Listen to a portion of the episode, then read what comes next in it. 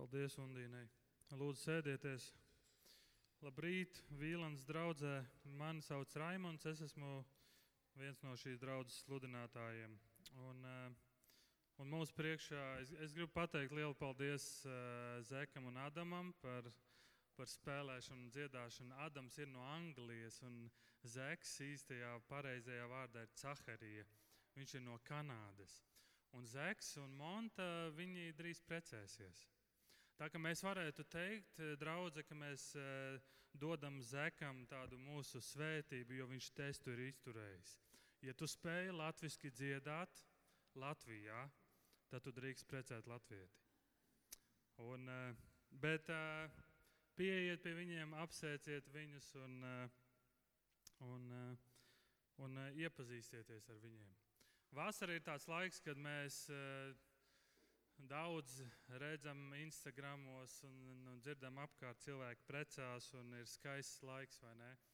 Bet kā Ancis arī šodien minēja un kā Undīna arī lasīja, mūsu šodienas teksts ir nērts teksts, tāds ļoti personisks, tāds ļoti uh, jūtīgs teksts. Un, uh,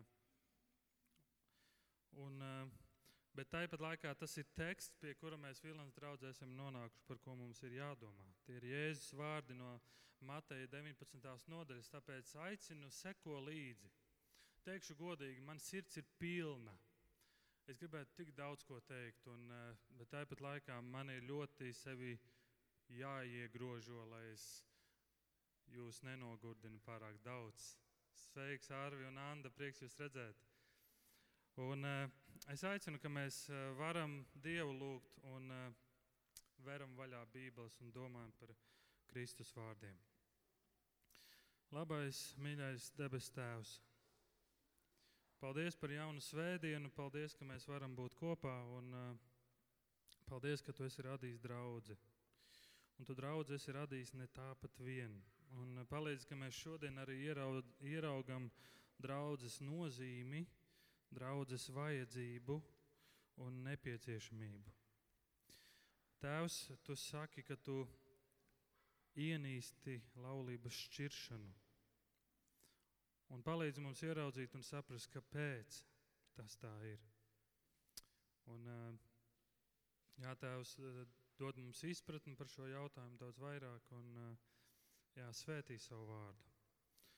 Ja es to es lūdzu tavā vārdā. Āmen.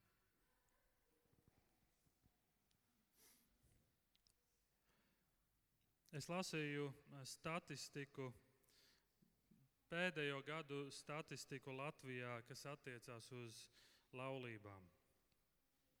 Pēdējos gados noslēgto laulību skaits Latvijā pieaudzis no 9290 laulībām, kas bija 2010. gadā, līdz 13,000 laulībām, kas ir 2018. gadā.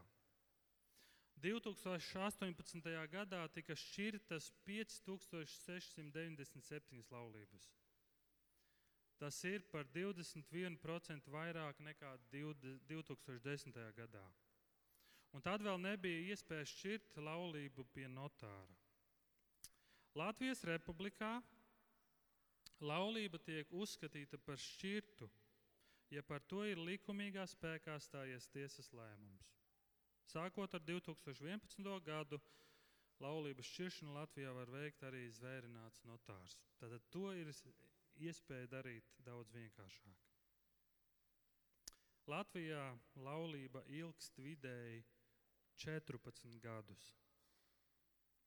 Latvijā laulība ilgst vidēji 14 gadus.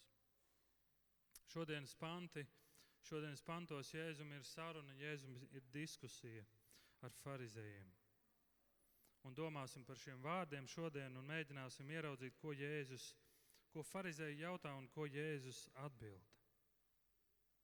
Es vēlos runāt par, šodien vēlos runāt par vairākiem problēmu cēloņiem.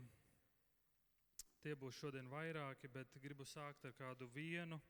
Pēc tam paskatīsimies uz Jēzus diskusiju ar farizējiem. Par kuru tad no baušļiem ir šī diskusija? Par ko farizēji jautā? Es vēlos domāt, ko tas nozīmē mums, kā Kristus sekotājiem, ko šie vārdi par laulības šķiršanu nozīmē mums, kā mums, kā mums runāt par laulības šķiršanu. Un pēdējā lieta, par ko es gribu runāt, vai dzīves piepildījums ir tikai laulībā. Tātad, mīļā draudzene, šī, šī svētdiena nav tikai par tiem, kas ir laulībā. Šis attiecās uz mums visiem. Šim būtu jātiec uz mums visiem. Par cēloņiem. Tad, kad mēs lasām Jēzus vārdus, Jēzus dodas uh, prom no Galilejas, viņš Jēzus dodas no 18. nodaļas uz 19. nodaļu. Jēzus dodas no 18. nodaļas, kur mēs runājām par atdošanu, uz 19. nodaļu. Un Jēzus tur ļaužu pūļi viņam seko, un, un pienāk farizē un atkal Jēzu testē, atkal Jēzu pārbauda. Kā viņi to dara? Viņi uzdod visādus jautājumus par rakstiem. Atceros, Reiz, eh, kad biju students, man piederēja trešais golfiņš, zilā krāsā. Smugs golfiņš, nopirku tādus lietos diskus, baigs smukos, un biju piektais čalis Rīgā.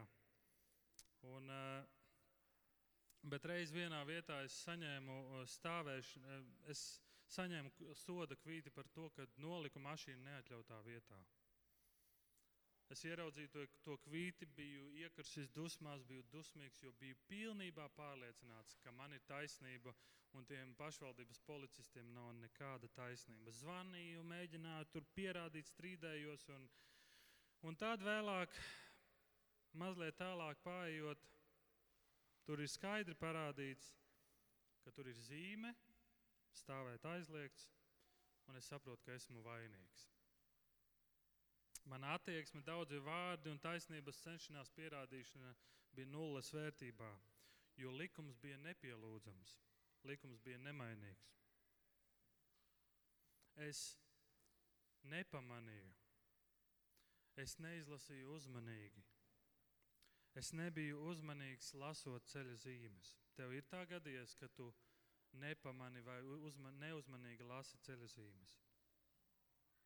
Kad Jēzum farizēja pienāk un jautā jautājumu, trešais pants pienāca kādi farizēji un viņu izaicinādami jautāja, vai ir atļauts vīram atlaist sievu, kura katra iemesla dēļ? Jēzus tiem atbildēja. Un šis ir pirmais cēlonis, par ko es gribu domāt ar jums, draugi. Vai jūs neesat lasījuši? Vai jūs neesat lasījuši? Šis ir viens no mūsu lielajiem problēmu cēloņiem. Mēs nezinām Bībeli. Mēs nepazīstam Jēzu, līdz ar to mēs nepazīstam Dievu kā tēvu, mēs nepazīstam viņa raksturu, mēs nepazīstam, mēs nezinām viņa domas par mums, par pasauli. Mēs nezinām, jo mēs nelasām. Mēs neticam, jo nelasām, mēs maldāmies, jo nelasām, mēs iekuļamies problēmās, jo mēs nelasām. Vai jūs neesat lasījuši? Mēs zaudējam spēkus un izdegam, jo nelasām. Mēs pārprotam, noliedzam, piekrītam viskaut kam citam, klaiņojam, jo mēs nelasām. Katrā vietā, kad farizēji nāk un Jēzu testē, no, viens no biežākajiem pretjautājumiem, ko Jēzus uzdod, vai jūs nesat lasījuši? Pat Sātans lasa Bībeli. Viņš to citē tik meistarīgi un viltoti, jo viņš zina Bībeli. Paklausies, kas rakstīts Hozejas grāmatā, 4. nodaļa, 6. pants. Mana tauta tiks iznīdēta, jo tai nav atziņas. Mana tauta iznīks, jo tai nav atziņas. Vienaldzība un slinkums ir divi lielākie mūsu dvēseles ienaidnieki. Vai jūs nesat lasījuši, vai tu nezini vēl? Salamana pamācības, jeb sakām vārdu 29. nodaļa. Salamans saka, kur nav atklāsmes, tur tauta kļūst mežonīga un nevaldāma. Bet labi tam, kas rīkojas pēc bauslības. Romiešiem 10. nodaļa 17. pants. Tātad ticība rodas no pasludinātās vēstures, bet vēsts no Kristus vārdiem. Jēzus atkal un atkal un atkal un atkal mums saka, mums ir jāzina šīs lietas. Ja vien mēs būtu lasījuši. 1. korintiešiem 14. nodaļā Pāvils raksta draudzēji par kādu ļoti jutīgu tēmu arī mums šodien. Sievas, lai draudzē klusē, jo viņām nav ļauts runāt. Bet lai viņas paliek bauslības noteiktajā paklausībā, bet ja viņas grib ko mācīties, lai izjautā mājās savus vīrus, jo sievai ir apkaunojoši runāt draudzē. Drīkst sievas runāt vai nedrīkst? Bet tas, ko Pāvils saka, sievai ir apkaunojuši runāt draudzē. Bet zini, kas ir vēl apkaunojošāk? Ka vīri, kuriem sievas grib jautāt, nezina Bībeli. Ka vīri nelasa Bībeli, vīri nesaprot svarīgas lietas uz būtiskiem jautājumiem. Pie kā sievas ies un jautās? Es esmu kristietis jau 19 gadus, un joprojām Ir daudzi būtiski jautājumi, reizēm vienkārši jautājumi, uz kuriem es tā varbūt tieši nespētu atbildēt. Kāpēc? Tāpēc, ka neesmu pietiekami lasījis. Tāpēc, ka neesmu pietiekami lasījis. Un, tāpēc es gribu sākt ar šo cēloni, mums likt domāt, ko Jēzus saka, vai jūs neesat lasījuši, vai jūs nezināt vēl. Iespējams, mēs šeit draudzē varētu teikt, es esmu kristietis jau entos gadus, bet tik daudz jautājumu, ko es vēl nezinu, nesaprotu. Bet, nu, Jēzus diskusija ar farizējiem. Pienāca kādi farizēji un viņu izaicinādami jautāja, vai ir atļauts vīram atlaist sievu, kura katra iemesla dēļ? Jēzus tiem atbildēja, Vai jūs nesat lasījuši, ka radītājs jau no iesākuma viņus radīja kā vīrieti un sievieti un sacīja, tādēļ cilvēks atstās tēvu un māti un pieķersies savai sievai, un tie divi būs viena miesa. Tā ka tie vairs nav divi, bet viena miesa. Tādēļ, ko Dievs savienojas, to cilvēkam nebūs šķirt. Pharizēji uzdod jautājumu, bet Jēzus atbild ar tādu pretjautājumu, kas īsti liekas nav atbilde uz viņu jautājumu. Jēzus saka, vai jūs nesat lasījuši, vai vēl nesaprotat, ko Dievs ir radījis pašā sākumā? Dievs rada cilvēkus. Dievs rada cilvēci, viņš rada vīrieti un sievieti, viņš tos rada pēc savas līdzības. Dievs rada cilvēkus ar īpašām spējām. Kas ir šīs spējas? Atspoguļot pašu Dievu. Šīs ir tās īpašās Dieva spējas, ka mēs eh, spējam atspoguļot pašu Dievu. Un tāds ir Dieva sākotnējais nodoms. Atspoguļot viņa mīlestību, viņa apņemšanos, viņa nodošanos, viņa derību, viņa uzticamību, piedošanu, tuvību, intimitāti, atspoguļot viņu pašu. Dievs ir laulības radītājs starp vīrieti un sievieti, pirmā mūža grāmata. Laulība, kas ir īpaša Dieva savienība, ko Dievs savienojas, to cilvēkam nebūs šķirt. Laulība ir Dieva ideja. Laulība ir skaistais Dieva plāns lai mēs spētu izbaudīt to, kas paredzēts laulībai. Dievs ir devis laulību, lai arī tā spēja īpašā veidā atspoguļot to, kā Dievs ir nodevies par savu tautu, kā Dievs ir nodevies par mums. Dievs vīra un sievas attiecības jaunajā derībā salīdzina ar Kristu un draugu ar šīm attiecībām. Lūk, cik spēcīga ir laulības nozīme. Draudze kā Kristus līgava. Dievs uz laulību, mīļie, skatās ļoti nopietni. Bet tomēr ir interesants viens fakts. Vecajā derībā ir 613 baušļi. 613. Kā jūs domājat, cik no šiem baušļiem ir attiecināmi uz laulības šķiršanu? Tikai divi. Tikai divi baušļi vecajā derībā ir par laulības šķiršanu. Es aicinu, ka mēs palūkojamies uz tiem. Pirmais no tiem ir 2. mūzes grāmata, 21. nodaļa, 10. un 11. pants. 2. mūzes 21, 10 līdz 11. Ja viņš ņem sev citu sievu, tad lai viņš tai neatņem iztiku, ēdiens, drānas, apģērbs un klāt gulēšanu, intīmās attiecības, seks. Ja šīs trīs lietas viņš tai nav devis, tad viņa var iet par velti bez sudraba, bez izpirkuma maksas. Tas ir pirmais bauslis attiecībā uz laulības šķiršanu. Bet tad, kad mēs lasām Bībeli, ir svarīgi, ka mēs uzdodam jautājumus, ok, bet par kādu kontekstu ir runa? Kādā situācijā to, to brīdi, tajā laikā ir tauta? Šajā brīdī Dievs dod noteikumus, likumus savai tautai, kuru viņš nesen ir izvedis no Eģiptes zemes. Vai ziniet, kāda šī tauta ir izgājuši no Eģiptes zemes? Viņi ir izgājuši no Eģiptes zemes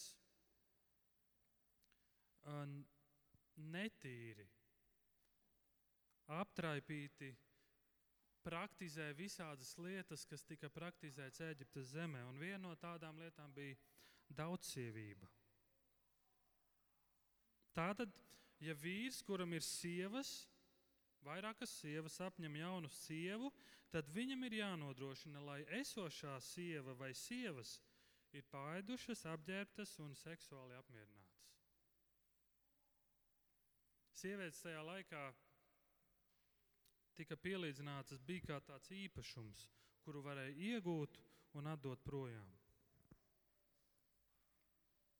Un tieši šī iemesla dēļ Dievs dod šo bausli, un Viņš šo bausli dod ar vienu vienīgu mērķi - lai pasargātu sievietes.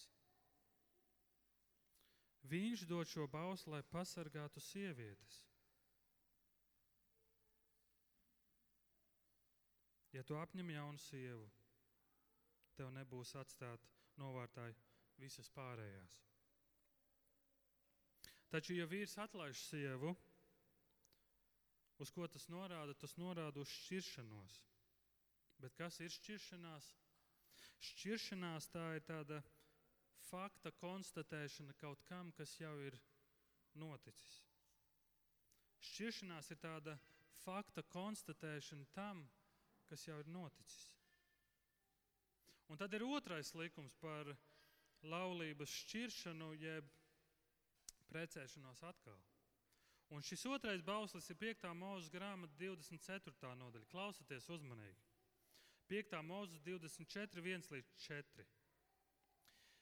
Ja kāds ņem sievu un laulājas ar to, bet vēlāk tā zaudē viņa vēlību, jo viņš pie tās atradis ko netīkamu, un viņš raksta tai šķiršanās rakstu, dod to viņai un sūta to projām no sava nama, un ja tā aiziet no viņa mājas un iet pie cita par sievu, un arī nākamais vīrs sāk viņu nīst un raksta tai šķiršanās rakstu, dod to viņai un sūta projām no sava nama, vai ja nākamais vīrs, kas to ņēmis par sievu, nomirst, tad viņas iepriekšējais vīrs, kas viņu bija sūtījis projām, nevar atkal ņemt viņu par sievu, jo viņa ir kļuvusi nešķīsta.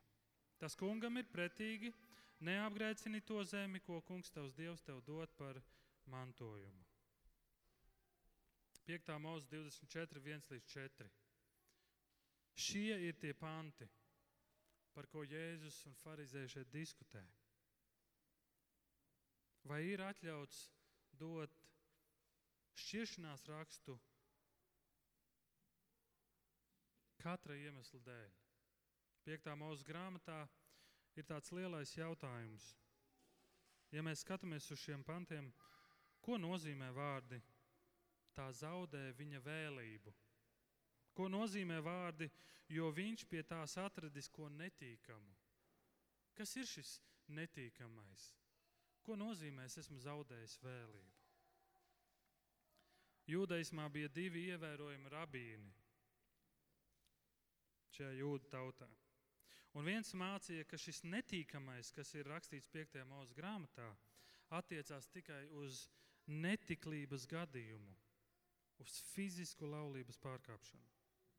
Un viņš mācīja, ka tas ir vienīgais iemesls laulības šķiršanai. Bet bija vēl kāds rabīns, ja bija šī otra nometnes grupa, kas mācīja, ka jebkas, kas vīram nepatīk, var būt iemesls, lai šķirtos no sievas.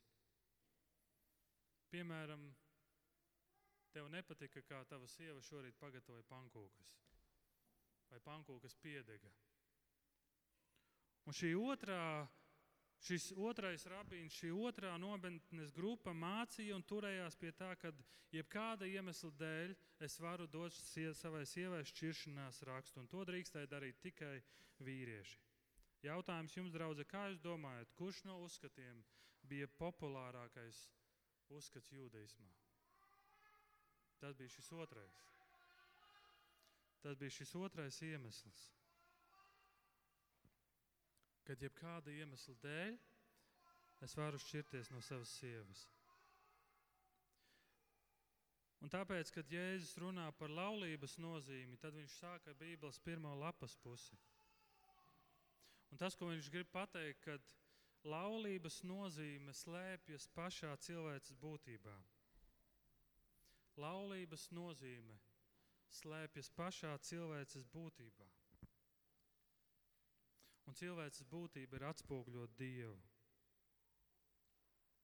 Ateistu skatījums uz pasauli, uz notiekošo pasaulē un visiem procesiem, uz laulību, viņi to pielīdzina kā dzīvnieku pasaulē un saka, ka cilvēki tādi truši vien ir, un cilvēki ir domāti, lai tikai pavairotos.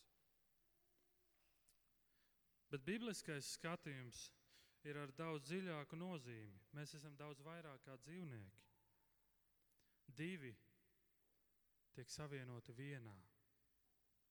Kaut kas intīms, kaut kas dziļš, mīlestības pilns, uz mūžu līdz nāve mūs šķirs. Un tad farizēji jautā, kādēļ tad Mozus ir atļāvis dot šķiršanās rakstu un atlaist? Bet kāpēc, bet Mozus, bet kāpēc tad viņš mums ir atļāvis? Un ir svarīgi, ka šeit nav rakstīts, Mozus ir pavēlējis, bet Mozus ir atļāvis.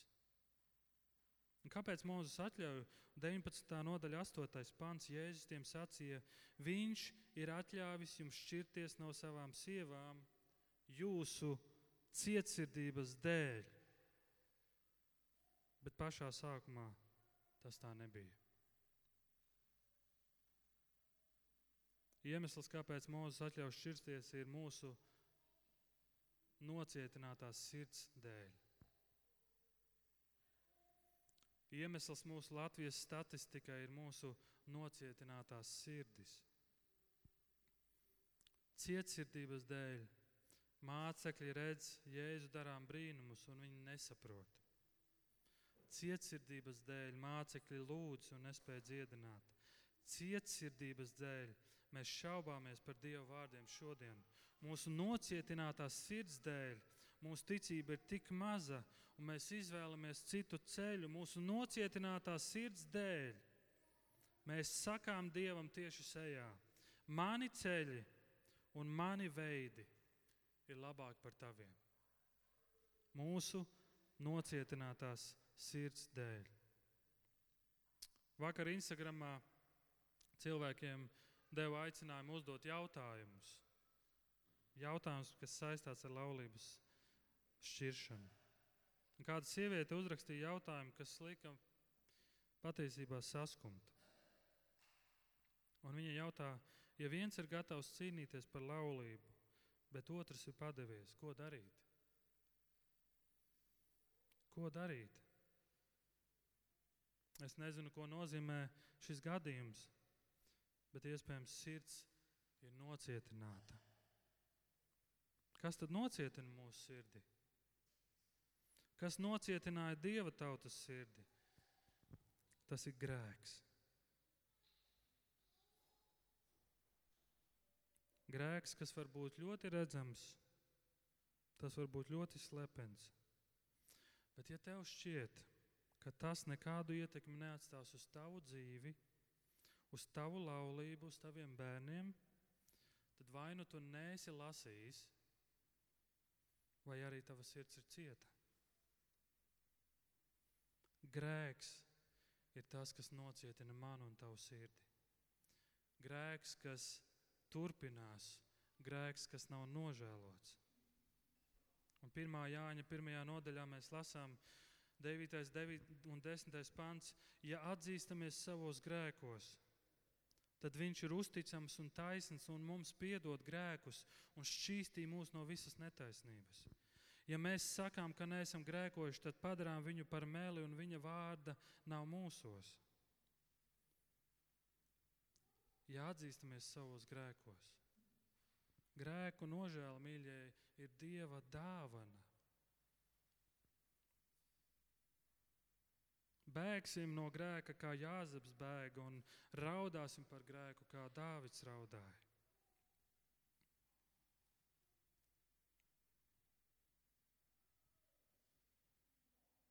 Pie Jēzus pienāk farizēji un uzsāk šo diskusiju un jautā, vai var katra iemesla dēļ šķirties. Un Jēzus dod skaidru atbildi.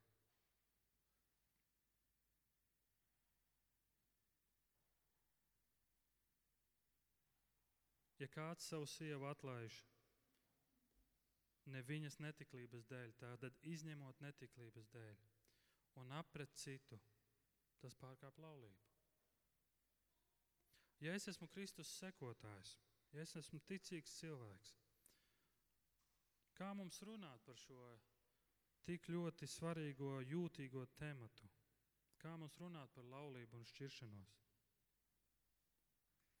Pirmkārt, mums jāsaprot viena lieta, Dievs ienīst šķiršanos. Maliehijas 2.16.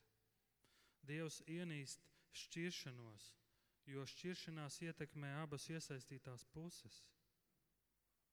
Pat gadījumā, vai nu vīrs vai sieva ir vainīgs, tad otra pusīte noteikti sastapsies ar kārdinājumu grēkot. Rūkums, ļaunprātība un vispārējais, pret ko Dievs brīdina. Dievs ienīst šķiršanos. Dievs ienīst ne tikai šķiršanos, bet viņš ienīst arī šķiršanās sekas. Viņš ienīst to, viņš ienīst redzēt, kā tas ietekmē sievu un vīru. Viņš ienīst to, ka redzē, redzot, kā tas ietekmē bērnus. Vienā pētījumā konstatēts, ka 18 mēnešus pēc laulības šķiršanās bērniem ir pēkšņas, nopietnas psiholoģiskas problēmas, kas ir salīdzināmas ar dabas katastrofas upuriem. Skolā viņi nevar pienācīgi ēst vai gulēt, nevar iegūt draugus, nomāktība, naids, Pēc, pat pēc desmit gadiem pēc laulības šķiršanas vairāk nekā 40% šo jauniešu nav spējuši izvirzīt sev mērķus dzīvē. Viņi nespēja izvēlēties, kur mācīties, ir bezcerības sajūta par dzīvi. Un pētījuma autors secina, ka gandrīz puse no laulības šķiršanās bērniem kļūst par pieaugušajiem, kuri ir satraukti, nepietiekami, dažreiz dusmīgi jauni vīrieši un sievietes. Dievs ienīst to.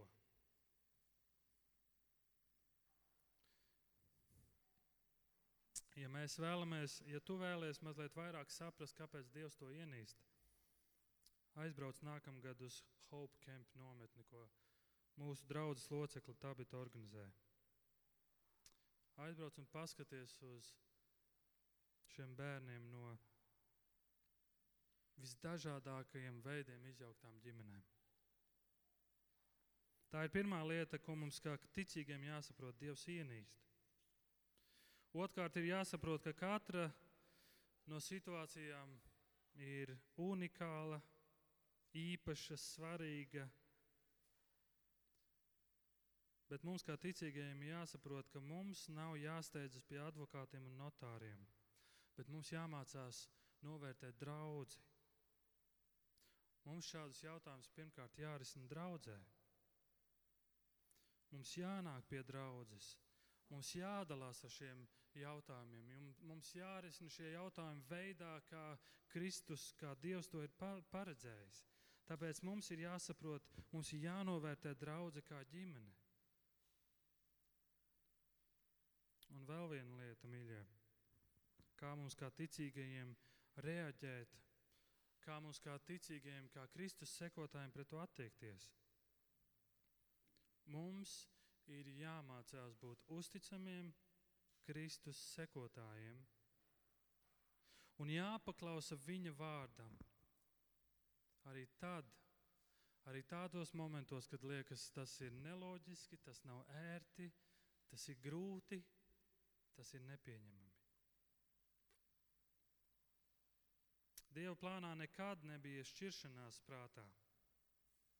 Tomēr 5. mūža grāmata, Mateja 19. nodaļa, 1. korintiešiem 7. nodaļa skaidri parāda, ka Bībele apzinās šķiršanās gadījumus. Un tāpēc dod noteiktus no, noteikumus attiecībā uz šķiršanos. Daudzi saka, ka tie ir ieteikumi, Jēzus interpretācija vai Pāvila interpretācija par šķiršanos. Nē, tie nav ieteikumi, tie ir noteikumi. Balstoties uz Jēzus vārdiem Matei 19. nodaļā, vienīgais iemesls šķiršanai ir netiklība, seksuāls grēks. Balstoties uz Matei 19. Kāpēc netiklība? Dievs savieno divus vienā. Tas ir kaut kas svēts, kaut kas īpašs. Tas atspoguļo Dieva attiecības ar viņa tautu.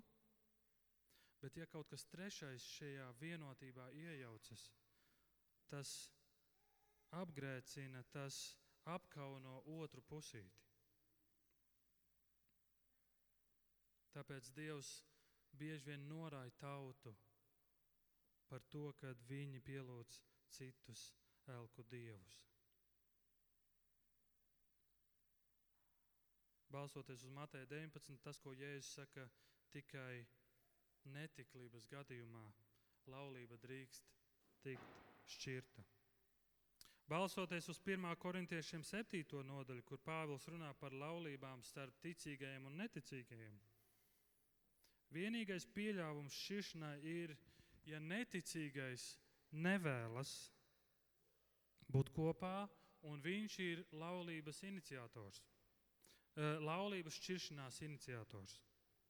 Ja neticīgais nevēlas, un viņš ir laulības in, šķiršanās iniciators, tas ir vienīgais, pie, vēl, viena, vēl viens pieļāvums laulības šķiršanai. Taču tas, ko Pāvils aicina, viņš saka, es aicinu, ka jūs paliekat kopā ticīgos aicina palikt kopā ar neticīgajiem laulībā, jo ticīgais ir par svētību neticīgajiem.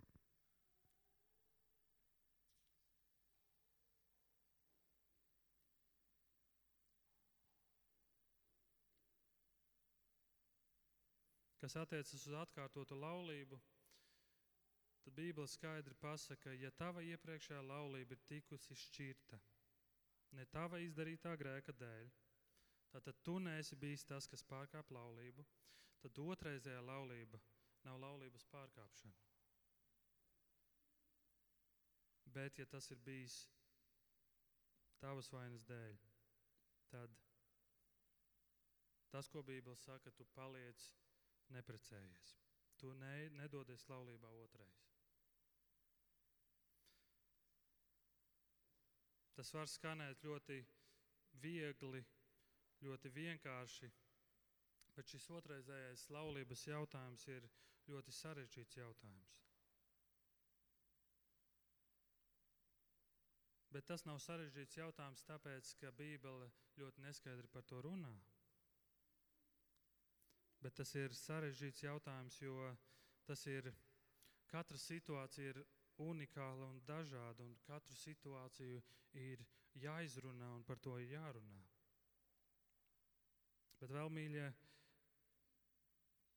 es gribu, lai mēs saprotam, ka mēs kā Vīlāns draudzē ticam, ka šķiršanās starp diviem ticīgajiem nav vēlama. Mēs ticam un esam pārliecināti, es esmu pārliecināts, un arī es domāju, mēs visi, kas esam Vīlandē, ka katra problēma situācija ir jauna iespēja piedošanai. Ja farizēji nāk pie Jēzus un meklē iemeslu, kas ir iemesls, lai jūs varētu šķirties, tad Jēzus viņiem atbild un saka, nevis mēs meklējam iemeslu šķiršanai, bet mēs meklējam iemeslu piedošanai un atjaunošanai. Ja tu gribi vēl vairāk saprast, izla, izlasi Hozejas grāmatu. Pravieti, kuram Dievs liek apņemt mauku par sievu un mīlēt un rūpēties par viņu. Šodien mēs lasām Mateja 19. nodaļu. Vakar mēs lasījām Mateja 18. nodaļu par atdošanu, kur Pēters pieiet klāt un jautā, cik reizes man jāpiedod savam brālim, kas grēko pret mani, vai pietiek līdz septiņām reizēm.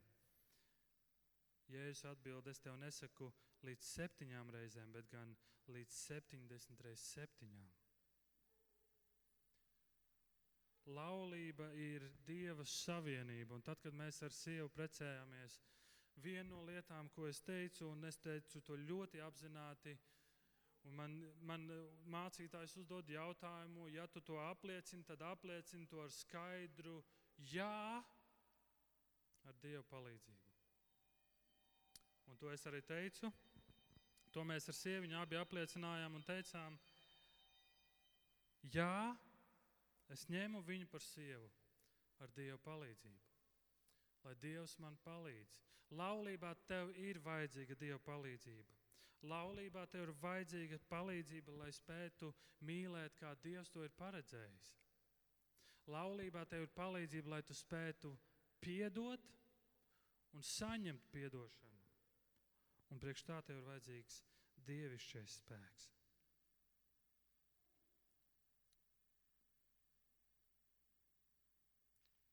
Laulība ir savienība starp vīrieti un sievieti. Dievs viņus savieno, cilvēkam nebūs šķirt. Ja cilvēki arī šķirās, Dievs uz šiem cilvēkiem skatās kā laulātu pāri. Un ja kāds pēkšņi no šķirtiem pāriem dodas citā laulībā, tā ir laulības pārkāpšana, un Dievam tas nav pieņemams. Jo Dievs šo pāri uzlūko kā precētu pāri, jo Dievs viņus ir savienojis, un cilvēks viņus nevar šķirt nedrīkst šķirt.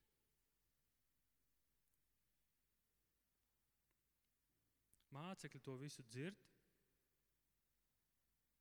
un mācekļi Jēzum sacīja, ja vīrs un sieva ir tā saistīti, Jēzu, tas, ko tu saki, kad tu laulību parādi pavisam citā skatījumā, tad jau labāk neprecēties. Un Jēzus atbildēja, ne visi var pieņemt šo vārdu, bet tikai tie, kam ir dots. Ir einuhi, kas tādi piedzimuši no mātes miesām, ir citi, kurus par tādiem padarījuši cilvēki, un ir tādi, kas paši sevi lēmuši bezlaulībai debesu valstības dēļ. Kas to spēj saprast, lai saprotu. Mācekļi ir izbrīnīti. Jēzu, tas, ko tu saki par laulību, tad labāk neprecēties, jo laulība ir kaut kas nopietns. Tas ir sarežģīts. Laulība, doties laulībā, man ir nopietni tas jāizsver. Jā, laulība ir nopietna lieta. Tavs jā vārds, Dievs uz to ļoti nopietni skatās. Dievs tur tevi pie vārda, vīrs un sieva. Bet ziniet, kāpēc vēl mācekļi ir izbrīnīti? mācekļi ir izauguši šajā farizēju sabiedrībā, kas māca, ka laulība ir tikai tāpēc, lai izdabātu vīrieti. Šie farizēji, kas dzīvo šajā domāšanā, es jebkura iemesla dēļ pamanīju, kas slikti uzcept, es ņemu tev šķiršanās rakstu, dodies prom, es ņemu jaunu sievu. Un mācekļi ir uzauguši šajā mācībā, un tagad viņi dzird Jēzus vārdus, un viņi ir izbrīnīti. Viņi saka, tad labāk nedoties laulībā. Un tad Jēzus runā par einuhiem. Kas tie tādi? Einuhi. Einuhi ir tāda cilvēku grupa, kuri nedodas laulībā, kuriem nav seks un kuriem nav pēcnācēji. Jēzus saka, ir einuhi, kas tādi piedzimuši no mātes miesām. Ir tādi, kuri ir piedzimuši ar fiziskām kaitēm, kuri ir tādi no mātes miesām. Ir citi, kurus par tādiem padarījuši cilvēki, un tajā laikā tas bija ļoti, ļoti populāri. Ja kādam ķēniņam bija saimniecība, sava karaļvalsts, viņam bija daudz sievas, un ja viņš kādu vīrieti uzņēma arī savā karaļvalstī kā kalpu, tad parasti vīrieši kastrēja, lai viņš nav seksuālās attiecībās ar kādu no viņa sievām, lai viņš pat neiekāro, lai, lai nekas tāds nebūtu izdarīts. Un tāpēc tas bija ļoti populārs veids tajā laikā, kad tika šie kalpi kastrēti, kurus sauc par einuhiem. Cilvēki par tādiem padarījuši. Un tad Jēzus saka, un ir tādi, kas paši sevi lēmuši bezlaulībai debesu valstības dēļ ir tādi, kas paši sevi lēmuši bezlaulībai debesu valstības dēļ. Un šeit Jēzus runā pats par sevi. Jēzus dzīves mērķis nav būt laimīgam. Jēzus dzīves mērķis ir debesu valstība. Ik viens cilvēks spēj saņemt patiesu dzīves piepildījumu ja tas spēj izdzīvot dieva gribu savai dzīvei. Kādiem tā būs laulība, kas atspoguļo dieva derību, dieva mīlestību, dieva nodošanos, bet kādiem tā nebūs laulība.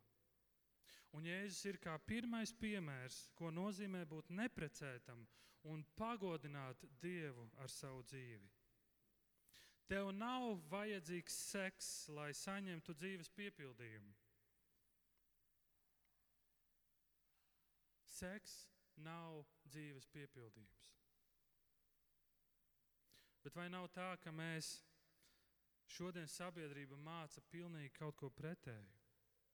Vai nav tā, ka mēs paši reizēm uzspiežam un sakām, laulība tev dos dzīvei nozīmi. Ja tu būsi precējies, tev būs seks, tev būs bērni, tad tev ir viss, kas dzīvē ir nepieciešams, jo tas tavai dzīvei dos patieso dzīves jēgu. Un iespējams šis ir iemesls, kāpēc daudzi Vīlandē, kāpēc daudzi citās draudzēs jūtas atstumti un jūtas kā tādi otrās kārtas cilvēki, jo, redziet, viņi nav precējušies. Redziet, viņiem nav bērni, redziet, un tieši tāpēc varbūt viņi jūtas, kad, kā tādi otrās šķiras cilvēki. Manā dzīvē nevar būt piepildījums, manā dzīvē vienmēr kaut kas pietrūkst. Bet Jēzus ir pirmais iemesls, kas parāda, nē, tā nav patiesība. Es daudzus cilvēkus esmu sāpinājis ar jautājumu, seiks, kā tev iet privātajā dzīvē. Kādi pasmējas, bet kādi negrib atbildēt, jo šis jautājums ir tik jutīgs, jo visas mammas, vecmāmiņas, vectētiņa jautā, nu kas tad ar tevi notiek, tev viss kārtībā, un kad tev būs draugs vai draudzene, kad tev jums būs bērni un tā tālāk un tā tālāk. Un, tā tālāk. un mēs uzspiežam šo viedokli un sakam, laulībā ir dzīves jēga. Pēcnācējos. Jā, seks, tas liek justies labi. Bet es neesmu pētījis statistiku, cik procentuāli cilvēki nomirst no sirdstriekas seksa laikā. Jā, laulība tas ir skaisti. Es esmu Dievam pateicīgs par savu sievu. Tā ir īpaša dāvana. Laulība ir kaut kas īpašs. Tas ir brīnums manā dzīvē. Bet mēs arī zinām, ka ne visas laulības ir garantija laimēji. Bērni, tā ir Dieva dāvana. Slāva Dievam par to. Bet cik mežonīgi daudz laika, resursus tas prasa, lai viņus izaudzinātu.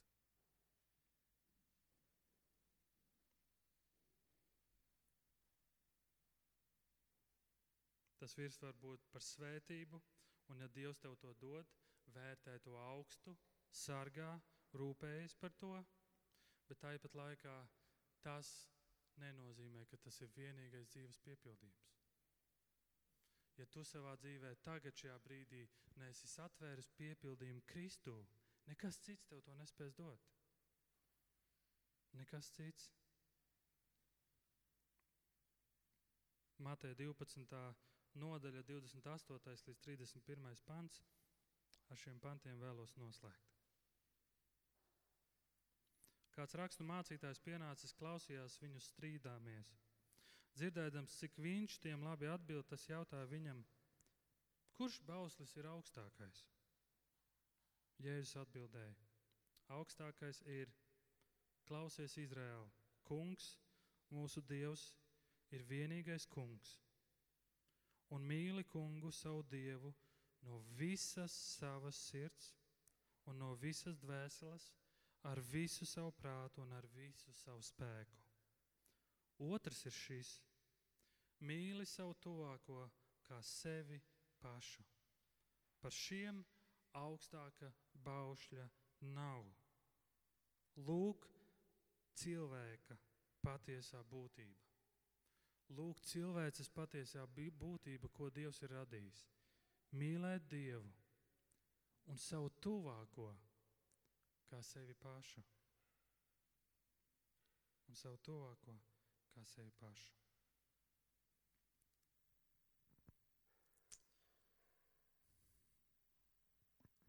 Lai, lai Dievs mums palīdz šo jautājumu izprast vēl, vēl vairāk, es pieļauju, ka daudziem no mums ir radušies vēl vairāk jautājumu. Mums ir daudz jautājumu, īpaši šajā laulības šķiršanās jautājumā. Un es šeit nepretendēju, lai atbildētu uz visiem jautājumiem. Bet mēs šeit Vīlandē esam ļoti, ļoti atvērti, lai, lai runātos, lai tiktos, lai, lai atbildētu uz tiem jautājumiem. Uz daudziem jautājumiem mēs varēsim atbildēt, uz daudziem jautājumiem Mēs varbūt vēlāk varēsim atbildēt, vai ne uzreiz varēsim atbildēt.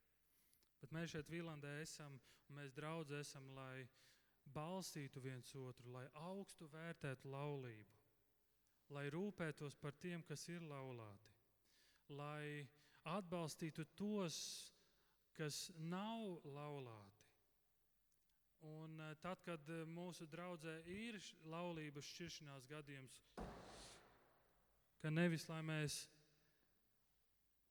sevi noslēdzam no šādiem cilvēkiem, mēs nezinām, kā rīkoties un kā atbildēt, bet ka mēs spējam rūpēties, ka mēs esam draugi, kas, kas ir iejūtīgi. Vajadzīgā brīdī, kad norādīt uz grēku, ka mēs spējam to norādīt un izaicināt. Lai, lai Dievs mums uz to palīdz. Novērtēt laulību saprast, ko Jēzus par to saka. Kas ir laulības būtība, kas esam mēs kā cilvēki. Lūksim Dievu.